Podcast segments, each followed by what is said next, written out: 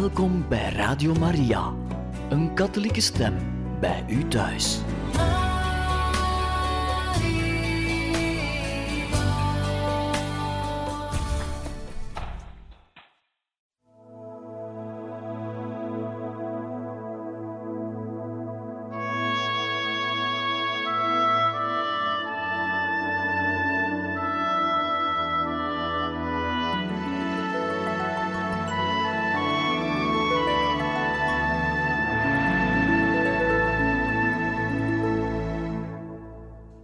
Beste luisteraars van Radio Maria, van harte welkom. We lezen verder uit het boek De Nieuwe Evangelisatie in het voetspoor van Sint Dominicus, geschreven door El Piren. Hoofdstuk 17 De enige samenwerking tussen de paus en Dominicus. De paus vond in de orde van Dominicus een ware steun in zijn beleid voor het herstel van de kerk. In die tijd ondervond de kerk nadelige gevolgen van het feodaal systeem, daar elke graaf zodanig aan de prerogatieven van zijn rechtsgebied hield, dat hij elke hoog, universeel gezag als een inbreuk op zijn autonomie zag. De geestelijke klerus ontsnapte, op geestelijk gebied, ook niet aan dit euvel. Honorius III zag zijn bestuursmacht en zijn leidende beginselen door de kapitels der kathedralen vaak geminacht. In Lyon bijvoorbeeld had de aartsdeken van het diocees de spot gedreven met de tegen hem uitgesproken banvloek en partij getrokken voor de Albigenzen. Honorius schreef hij is de openlijke verdediger van de ketters geworden en zelfs de verhoede vijand van de verdedigers van het christelijk geloof. We zien ook dat Paus Honorius innig met Dominicus samenwerkte bij de vestiging en de uitbreiding van zijn orde. Daar in Spanje de weerstand van de hogere geestelijkheid het sterkst was, richtte de paus op 15 november een bul tot de Spaanse prelaten met het verzoek en het bevel de predikbroeders te ontvangen en te beschermen. Daar de paus de hervorming van de kloosterzusters in Rome op het oog had en het klooster van Sint Sixtus daartoe bestemde, dienden de predikbroeders die het betrokken een ander onderkomen te vinden.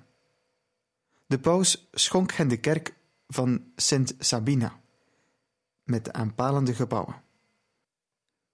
Dominicus kreeg van de paus de opdracht de hervorming van de kloosterzusters op zich te nemen. Heus geen gemakkelijke taak. Hij meende er goed aan te doen enige zusters uit Proei naar Rome te laten overkomen, om de hervorming voor een meer ascetisch en contemplatief leven in goede banen te leiden. Maar dat liep niet van een leien dakje. De zusters van Proei hadden, volgens de gewoonte van die tijd, professie gedaan op de titel van het huis waar ze waren ingetreden. Zij meenden aan hun plicht tekort te komen door het huis te verlaten en een onzekere toekomst tegemoet te gaan.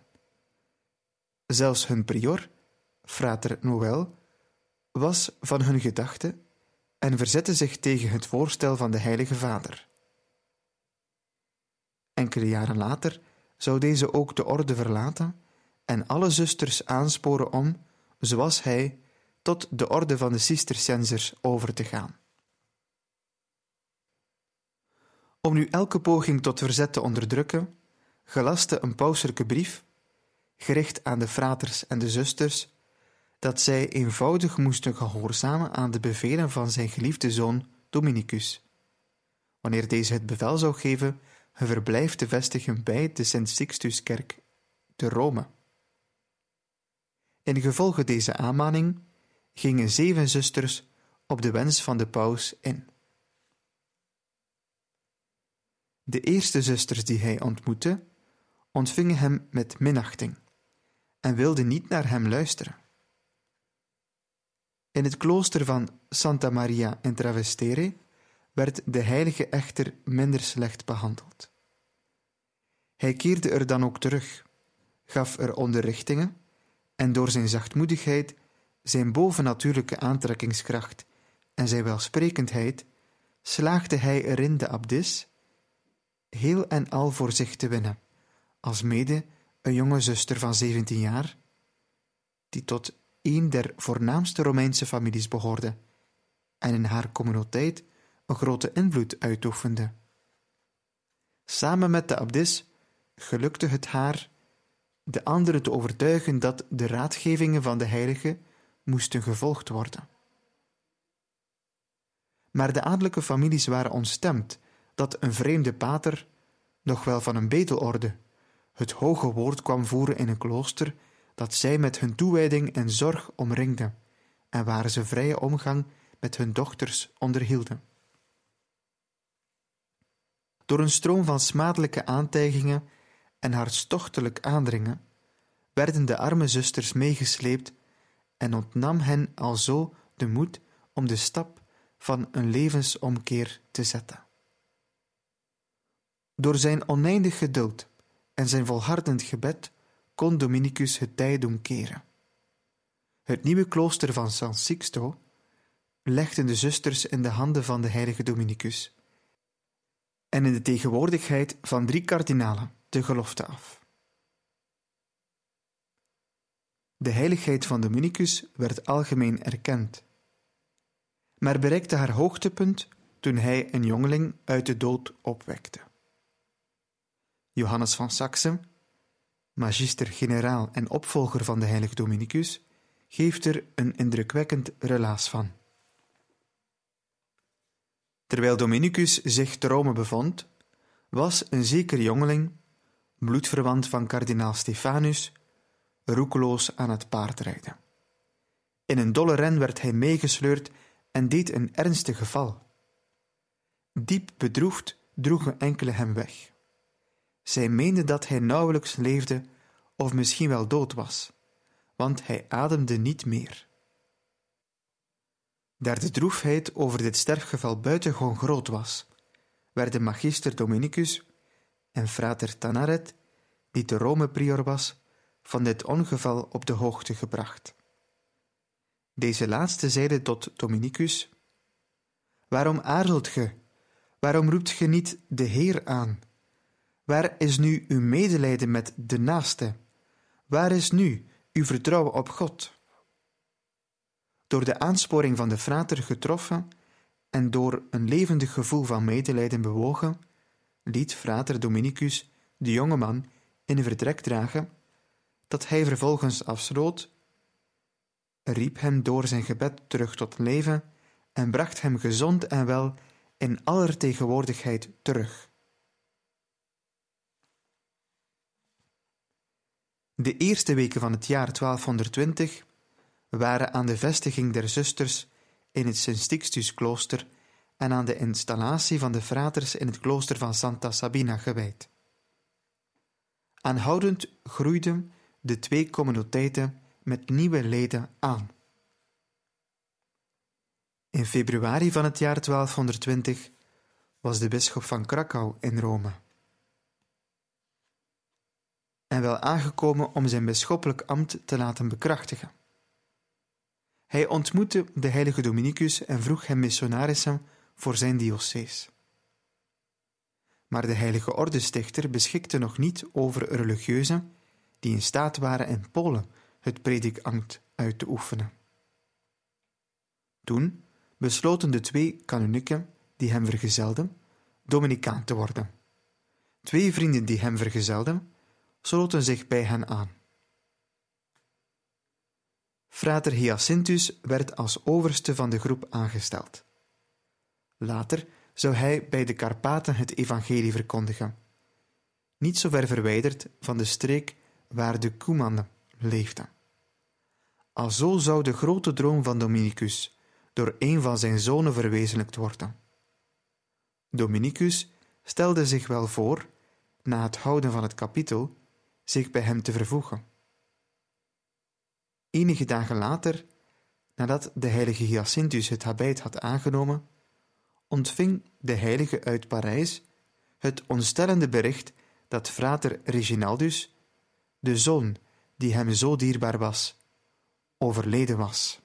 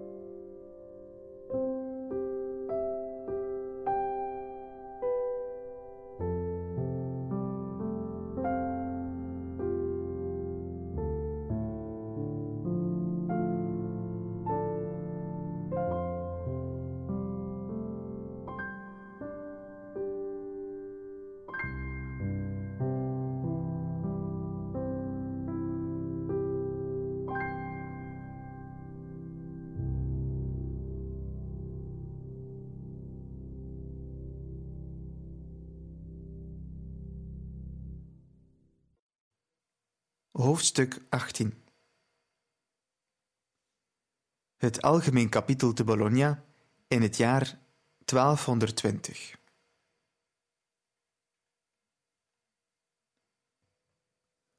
Een orde die over verscheidene landen verspreid is, dient voor zijn voortbestaan trouw te blijven aan de regel die de stichter heeft voorgeschreven. Daarom is het onontbeerlijk dat op gepaste tijdstippen de vertegenwoordigers van deze orde bijeenkomen, om na te gaan of op bepaalde punten niet van de regel is afgeweken en ook om sommige regels aan de gewijzigde tijdomstandigheden aan te passen. Zo'n vergadering wordt in kerkelijke taal algemeen kapitel genoemd. Voor de ontluikende orde van Dominicus was zo'n bijeenkomst van het allergrootste belang. Zoals we reeds eerder zagen, was Dominicus' grootste zorg de geest van armoede in zijn orde te waarborgen. Door legaten en schenkingen hadden sommige kloosters veel goederen verkregen die niet strikt noodzakelijk waren voor het onderhoud en de uitbreiding van de orde. Op die wijze zou hij niet ontsnappen aan de gevaren van de rijkdom. Daarenboven verplaatsten de fraters te Parijs zich, tegen de regel in, te paard en namen op hun missietochten geld mee voor hun onderhoud. Om dat gevaar voor eens en voorgoed uit te sluiten, nam Dominicus het vaste besluit om van alle rechten van bezit af te zien en zich van de reeds verkregen inkomsten en goederen te ontdoen. Daar hij enige tijd voor het kapitel door de paus met alle macht voor het bestuur van de orde was toegerust, kon hij als magister-generaal zijn gezag hieromtrent laten gelden. Sint Dominicus opende de zitting van het kapitel met een daad van diepe nederigheid. Hij verklaarde het volgende: Ik verdien uit mijn ambt ontzet te worden, want ik ben een nutteloze en lauwe religieus.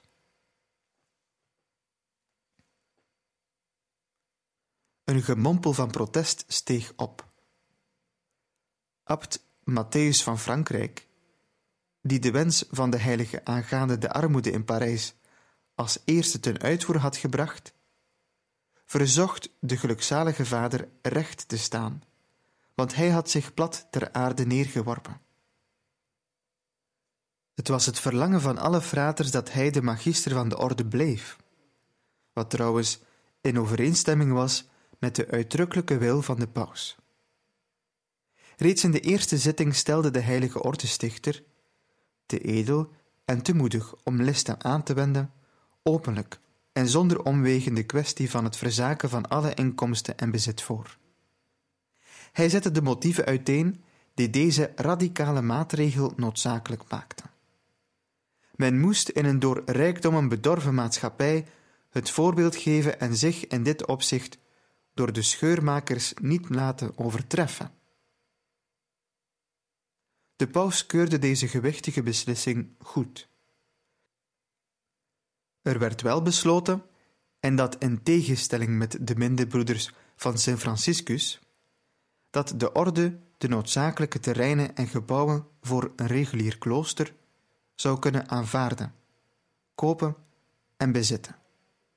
Het voorstel van Dominicus dat alleen lekenbroeders belast zouden worden met het beheer van de kloosters, werd door de kapitelraad afgewezen.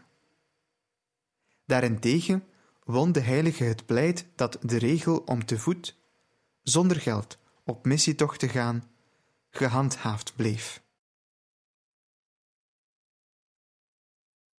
Hoofdstuk 19 De strijd in Noord-Italië tegen de dwaalleer van het nieuwe Manicheïsme, de verdere verspreiding van de orde. Nauwelijks enkele dagen na het houden van het algemeen kapitel verliet Dominicus, vergezeld met twee fraters, de stad Bologna en richtte zijn schreden naar Milaan.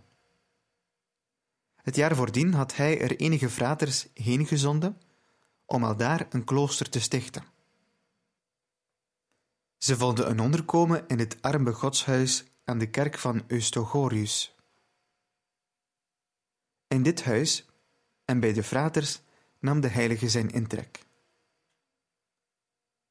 Hij stelde voor om onmiddellijk in de naburige steden te gaan prediken, want Milaan was evenals Toulouse het centrum van een door de secte besmette streek. Maar juist op dat moment overviel hem een vrij hevige koorts. Voor de eerste maal moest hij plots zijn apostolisch werk onderbreken.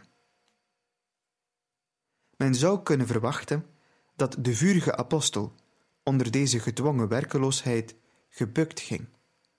Maar een heilige die slechts denkt aan de vervulling van Gods wil, die verzaakt heeft aan alle eerzucht, aan ieder persoonlijk welslagen, toont zich even rustig en tevreden in de ziekte als bij het werk. Die ziekte met geduld en onderwerping verdragen, zou voor hem te weinig zijn geweest. Nee, hij leed met een waarachtige geestelijke vreugde, in een soort mystieke vervoering. Gedurende de koortsaanvallen getuigde de frater zieke verpleger, klaagde de gelukzalige nooit, maar hij hield zich met de overwegingen bezig en geraakte bijwijlen in een soort extase. Was de aanval voorbij, dan onderhield hij zich met de broeders, nam een boek en vroeg om er iets uit voor te lezen. Naar het voorbeeld van de heilige Paulus, waar hij zoveel van hield, verheugde hij zich in de kwellingen. Na twee of drie weken rust herstelde hij. Hij achtte de ziekte overwonnen en dacht er toen aan een begin te maken met de door de paus gevraagde prediking tegen de sectariërs van Noord-Italië.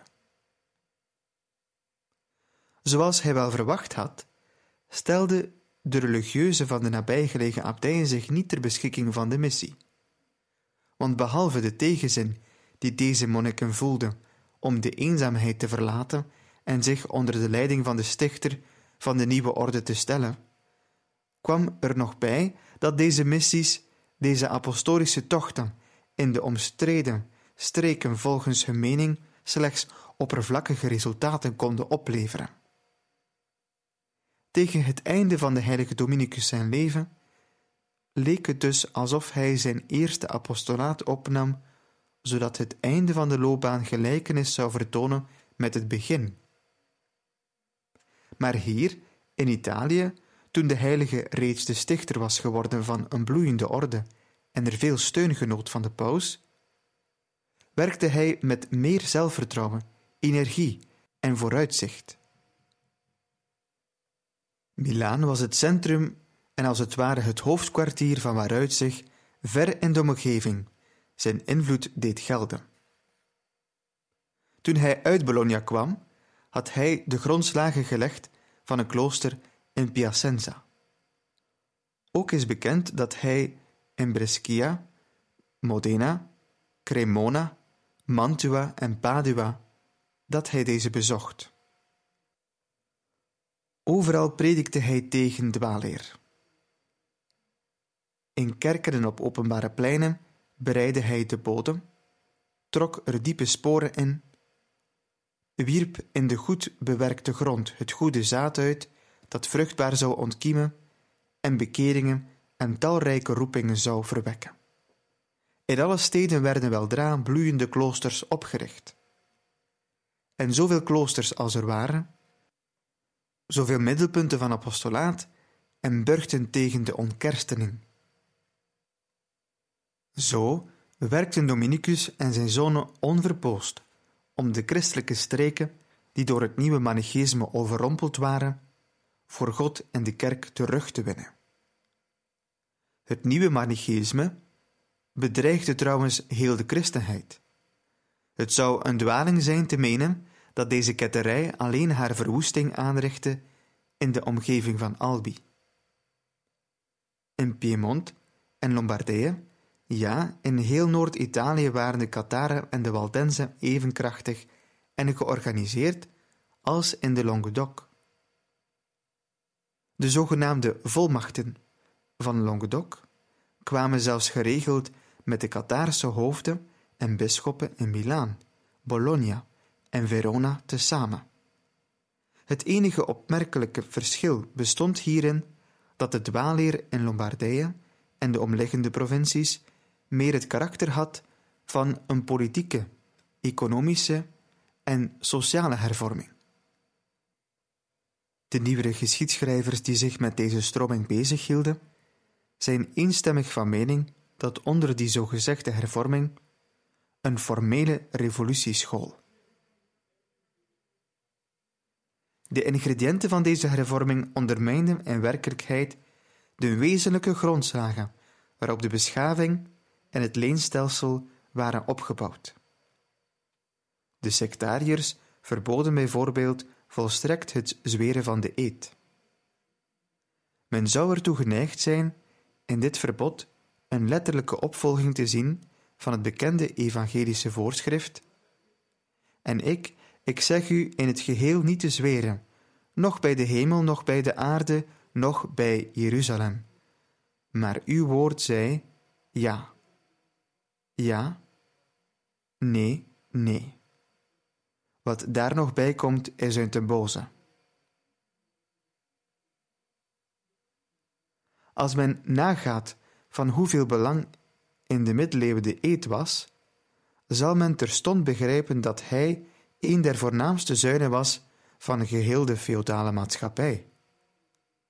Ontsloeg men de vazallen, de lijfeigenen en de gemeente van de eed van trouw, dan kwamen ook alle maatschappelijke verplichtingen te vervallen. Daar ongetwijfeld door de gezaghebbers ten overstaan van hun onderdanen misbruik van die eed werd gemaakt, door hen te verplichten orders uit te voeren die niet gerechtvaardigd waren, was dit voor de woelwaters een genoegzame reden om de eed maar meteen af te schaffen.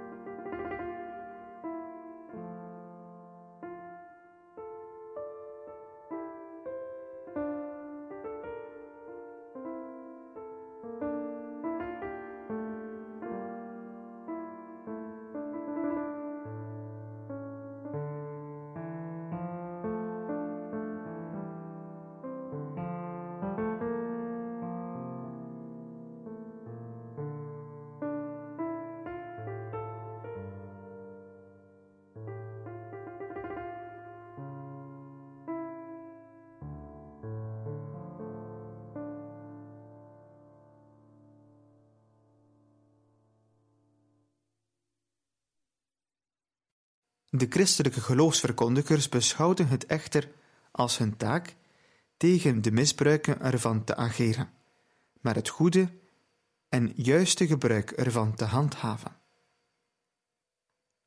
Wat wij over die eed opmerkten, zouden wij ook kunnen toepassen op het beginsel en het recht van particulier eigendom.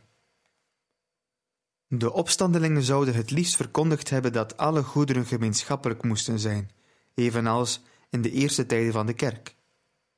Wijl zij echter vreesden de leenheren tegen zich in het harnas te jagen, betwisten zij alleen aan de geestelijke het recht van het bezit. Stond er niet geschreven: de gelovigen hadden slechts één hart en één ziel, en niemand bezat iets dat hij het zijne mocht noemen. Immers, alle goederen waren gemeenschappelijk bezit. Niemand onder hen leed gebrek, want zij die landerijen en huizen bezaten, verkochten ze en brachten de opbrengst ervan mee om ze aan de armen uit te delen.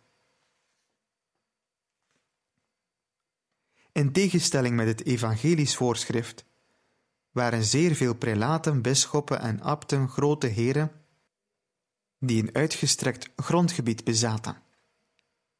De ketters wilden daarom dat de verdeling der goederen bij hen een begin zou nemen. Door deze stelling, die de toehoorders zeer aangenaam in de oren klonk, lieten de heren en de gemeente zich natuurlijk gemakkelijk overreden. Om uit de ruif van een graantje mee te pikken en onder één hoedje met hen te spelen. Het is algemeen bekend dat de strijd een weerwraak tussen families en particuliere personen een der wonden van het feodaal tijdperk was.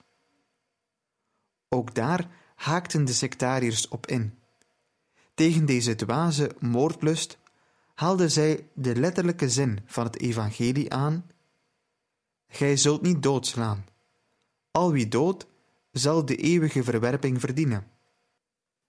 Al wie zich tegen zijn broeder vertoornt, zal schuldig zijn voor het gerecht. Want ik zeg u geen weerstand te bieden aan het geweld. En zo iemand u het onderkleed wil ontnemen, geef hem ook nog uw mantel. In plaats van alles over één kam te scheren, was het de taak van de geloofsverdedigers, zowel voor het individu als voor de gemeenschap, het recht te bepalen van wettige zelfverdediging. Nog in een ander opzicht was het van belang het juiste midden van de christelijke waarheid aan te geven. De nieuwe Manicheeën van de dertiende eeuw, die als beginsel vaststelden dat de materie essentieel slecht was, hadden absoluut het huwelijk verboden. Deze misopvatting liep bij de Kataren uit op de splitsing van twee klassen.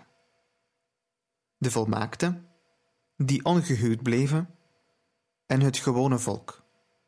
Het grootste aantal dat zich tenslotte aan losbandigheid overgaf. De taak van alle geloofsverdedigers, inzonderheid van de heilige Dominicus en zijn zonen, bestond dus in de verdediging van het ware christelijk huwelijk, waarbij zij tevens voor beide partijen de vrijheid van keuze opeisten, zoals zij ook de vrijheid vorderden voor de roeping tot de religieuze staat. Daar wij gezien hebben dat een secte steeds aanleunt op sociaal gebied bij een ontreddering in de maatschappij en op godsdienstig gebied bij een verzwakking van het geloofsleven, dient de strijd tegen haar niet alleen als een verdieping van het geloofsleven van de enkeling te worden aangezien, maar tevens als een rechtzetting van het geloof bij de massa. De massa heeft, om getrouw te blijven aan het geloof, een gezond sociaal klimaat nodig. Om die reden gingen paus Honorius III en zijn legaat in Noord-Italië, kardinaal Ugolino, zich met alle krachten toeleggen op de hervorming van de christelijke maatschappij en bij de uitvoering van dit grootste plan gebruikten zij de voorkeur van de nieuwe orde van de predikbroeders en de mindere broeders. Zij vatten dit plan op als een ware kruistocht voor het behoud van het ware geloof. Volgens hun inzicht zou deze kruistocht ook een militair karakter dragen. In zoverre de ketters, die de maatschappij voor hun verderfelijke theorieën ontwrichten, aan de wereldlijke macht zouden worden overgeleverd. Aangezien het kerkelijk gezag zich nog voldoende gesteund voelde in Frankrijk door koning Philips August, nog in Italië door keizer Frederik II, beperkte het zich ertoe de massa van de trouw gebleven gelovigen voor deze kruistocht te mobiliseren. Tijdens de kruistocht tegen de Albigenzen te Toulouse had bisschop Fulco, wiens voornaamste medewerker de heilige Dominicus was, een militaire broederschap opgericht, met het doel de ketters te bestrijden. Bijna alle inwoners van Toulouse hadden zich onder de banier van deze broederschap geschaard. Bisschop Fulco had door bemiddeling van de legaat van de Heilige Stoel te weten verkrijgen dat de leden van de strijdmacht dezelfde aflaten konden verkrijgen als de kruisvaders. De broeders droegen uit boetvaardigheid een zwart kleed, met een kruis op de borst, als onderscheidingsteken. Zo besloten ook kardinaal Ugolino en Dominicus de trouw gebleven katholieken op stel en sprong het kruis op de borst te hechten. De gedachte die de krijgsdienst van Jezus Christus deed ontstaan, was juist dezelfde als deze die aan de grote broederschap van Toulouse het aanzien gaf. De zogenaamde broeders van de krijgsdienst in Lombardije en Noord-Italië verbonden zich door een belofte om een vroom en verstorven leven te leiden, dat ook een enigszins religieus karakter droeg. Ze waren dus niet alleen verdedigers van het geloof, maar ook vrome boetelingen. De zalige Raymondus van Capua legt een uitvoerige verklaring af. Voor hen die er kennis van zullen nemen, ga ik in dit hoofdstuk uiteenzetten waar ik in verschillende geschriften gelezen heb en door geloofswaardige getuigenissen in verschillende delen van Italië heb horen verhalen.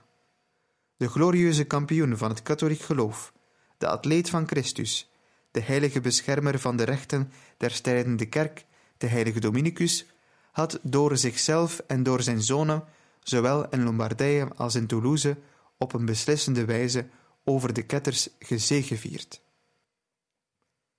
Tijdens zijn kanonisatieproces werd door de paus officieel de verklaring afgelegd dat in Lombardije door zijn leer en zijn mirakelen meer dan honderdduizend sectariërs waren bekeerd. Hun verderfelijke dwalingen hadden echter zodanig de geesten besmet dat bijna alle kerkelijke goederen in de handen van de leken waren en als bij erfrecht van de een op de ander overgingen, zodat de prelaten tot de bedelstaf werden gebracht en niet meer over de stoffelijke middelen beschikten om aan de dwaling weerstand te kunnen bieden. Zij waren zelf niet meer in staat om, volgens hun plicht, voor het levensonderhoud van de priesters en de armen te zorgen. Einde citaat. De heilige Dominicus, die deze toestanden inzag en ze in zijn vurige ijver niet kon dulden, bond de strijd aan ten bate van de goederen van de kerk, al had hij ook de strengste armoede omhelst. Hij deed daarom beroep op enkele godvruchtige leken die hem bijzonder genegen waren en besprak met hen de oprichting van een heilige krijgsdienst. Het doel ervan zou zijn de rechten en goederen der kerk weer terug te krijgen en tevens de dwaalleer te bestrijden.